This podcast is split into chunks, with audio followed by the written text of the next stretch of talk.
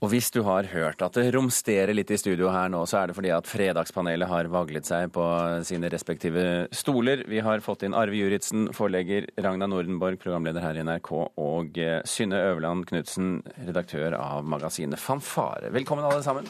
God morgen, god morgen. Takk. Vi går rett på sak.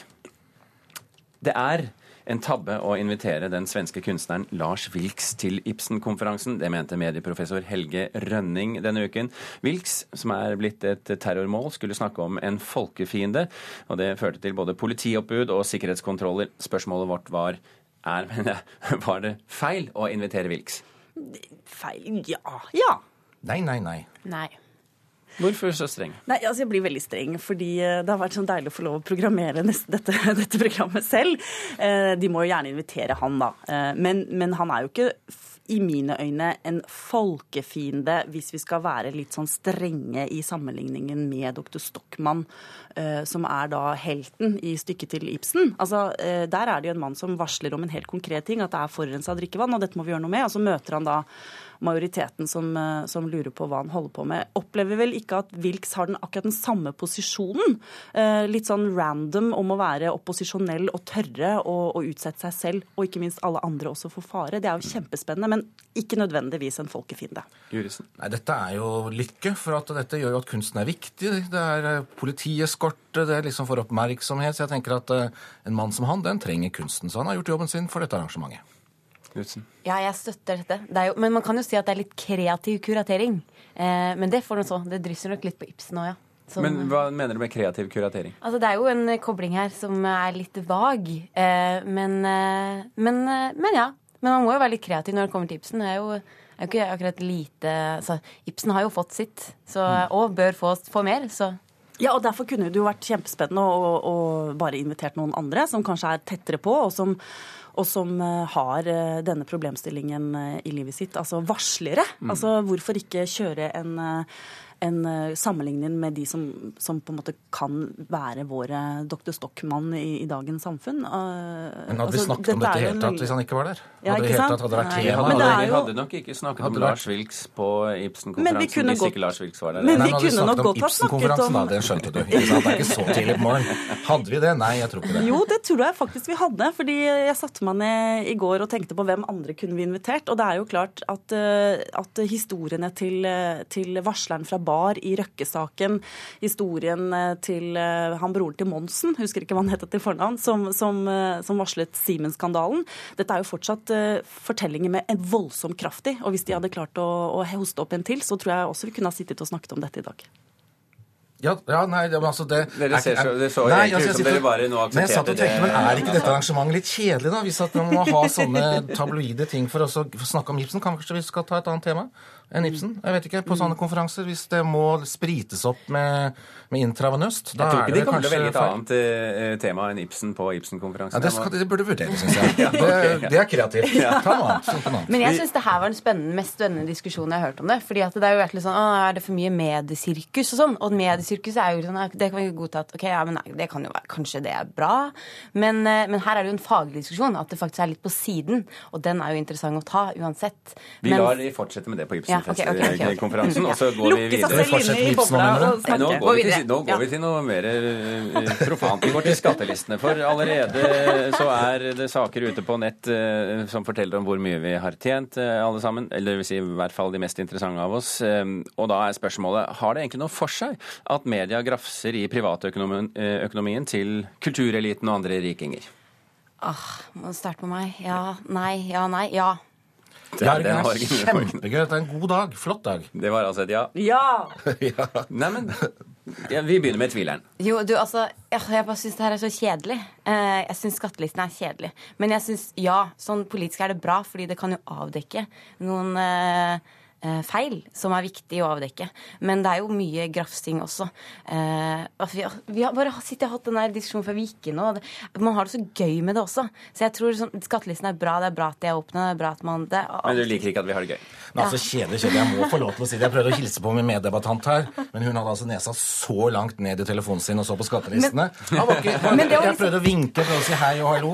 Glem det, jeg var utanka skattelistene. Så dette liker vi. Dette er Altså, vi liker å kikke inn bak bak gardinene, og vi liker å kikke ut bak gardinene. Dette er en fest av Er det like før hun går fysisk til angrep på deg for å komme med Jeg kjenner intimsonen min er litt grann trua her nå. Altså.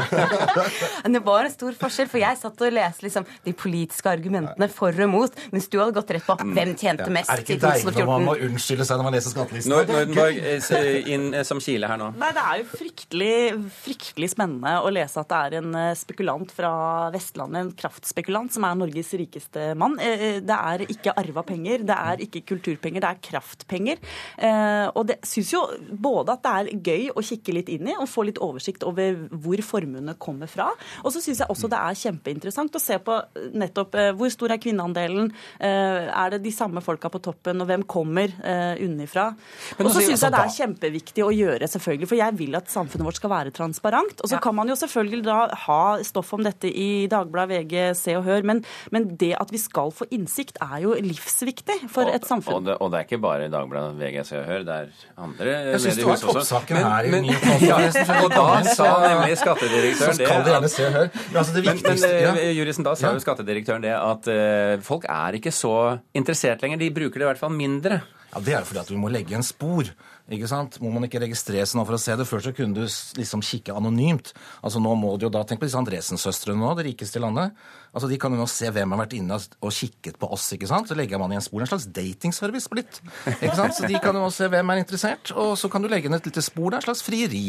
Uh, så det tenker jeg Er du åpen selv for dette, Juritzen? Altså, det, folk kan jo gå inn og se på deg også? Ja, ja, ja. Og legge inn spor. Ja, jeg sier det. Så legger jeg spor, så bare jeg får vite hvem det er, så kan man jo liksom, så ser man uh, Så ringer du opp igjen? Ja, ja, ja. Ikke noe problem. Legge en telefonnummer. Dette blir Nei, men dette fungerer. Nei, men seriøst, det er klart de skal ha denne åpenheten i landet, og at dette skal være tilgjengelig. Og så er det jo det er jo gøy, og det er jo interessant. Og så er det vel ikke så farlig, tenker jeg, for det er jo ikke sannheten som står der. Vi får jo bare en liten, liten bit av sannheten i skattelistene. Sånn er det jo som regel i verden, Juritzen. Vi går videre til neste spørsmål. Mange unge forstår ikke lenger uttrykk som krokodilletårer og bjørnetjenester og høy i hatten. Og det var ting som vi diskuterte her i, i Kulturnytt denne uken. Eh, det er språkforskere som hevder dette her, og, og Finn Erik Vinje sier at dette er et demokratisk problem. Har han rett? Nei.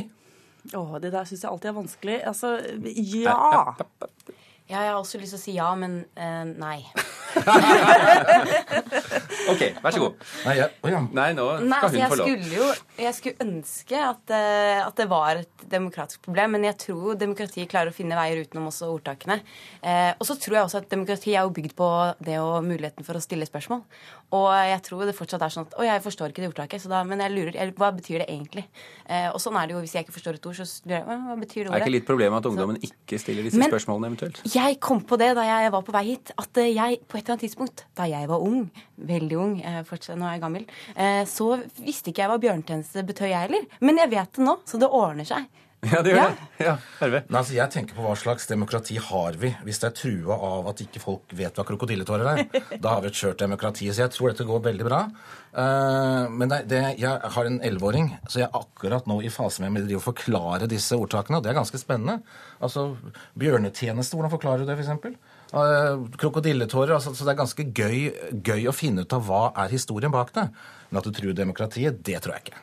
Men det er, det er, jo nettopp det at det er jo vi, Det var nydelig formulert. altså Vi klarer oss kanskje Demokratiet faller ikke liksom, ved mangel av forståelse av, av disse ordtakene. Men det er, like no, det er, likevel noe med det at det å kunne uh, ha et språk, ikke bare å si ting rett ut, men nettopp ha det subtile og ha humoren og ha, og ha den derre felles kulturforståelsen som går utover det å være, det å være liksom god på språk. Jeg tenker at Det er klart, uh, i en verden hvor, som er mer global, folk har annerledes bakgrunn, man skal liksom møtes rundt det norske språket, som jo er veldig lite, så er det jo litt kjedelig å være han eller hun som alltid liksom sitter på fest og lurer på hvorfor ler alle nå. Uh, det var Derfor jeg mente at det kan på en måte oppfattes som et demokratisk problem. Men det kommer jo nye! Det, kommer jo masse nye! Du, du Kidsa finner på nytt, ja, håper jeg. Men forlegger uh, Juritzen, du er jo opptatt av språk osv. i dine bøker og ditt utgiveri. Jeg er glad du hvis, sier det. Hvis eh, en generasjon plutselig ikke skjønner hva den bestemmende generasjon sier,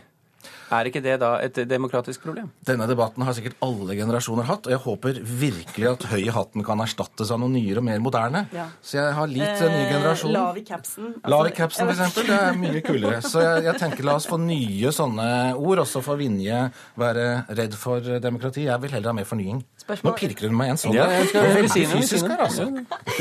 Lav i capsen, kan du, kan du liksom bare gi den definisjonen nå? Liksom, nå på stående fot? Motsatt av høy i hatten. Altså du er litt trang i pappen. Ja, litt, litt, litt enkel. Litt enkel. Kjempeord. Jeg syns det er dagens ord. Lav i capsen. Veldig bra. Lav i capsen, det er ungdommens Det, er det syns jeg du skal foreslå for ungdommen. Det er herved, herved, vedtatt som et bra uttrykk. Bra uttrykk servert fra Fredagspanelet i dag. Lav i capsen. Vi er fremdeles litt usikre på hva det betyr. Men uh, Det kommer en etymologisk ordbok på Juritzen forlag om dette. Helt klart. Ja. Eller en roman. Eller en roman. Arve Juritzen, Arve Juritzen tar dette på alvor, setter seg i forleggerstolen og gjør det. Takk for at du kom til Kulturnytt. Takk også til Ragna Nordenborg og Synne Øverland Knutsen, som alle utgjorde Fredagspanelet i dag. Kulturnytt er i ferd med å runde av med dette. Det var Vidar Sem som var ansvarlig for sendingen, og her i studio Birger Kolsrud Jåsund.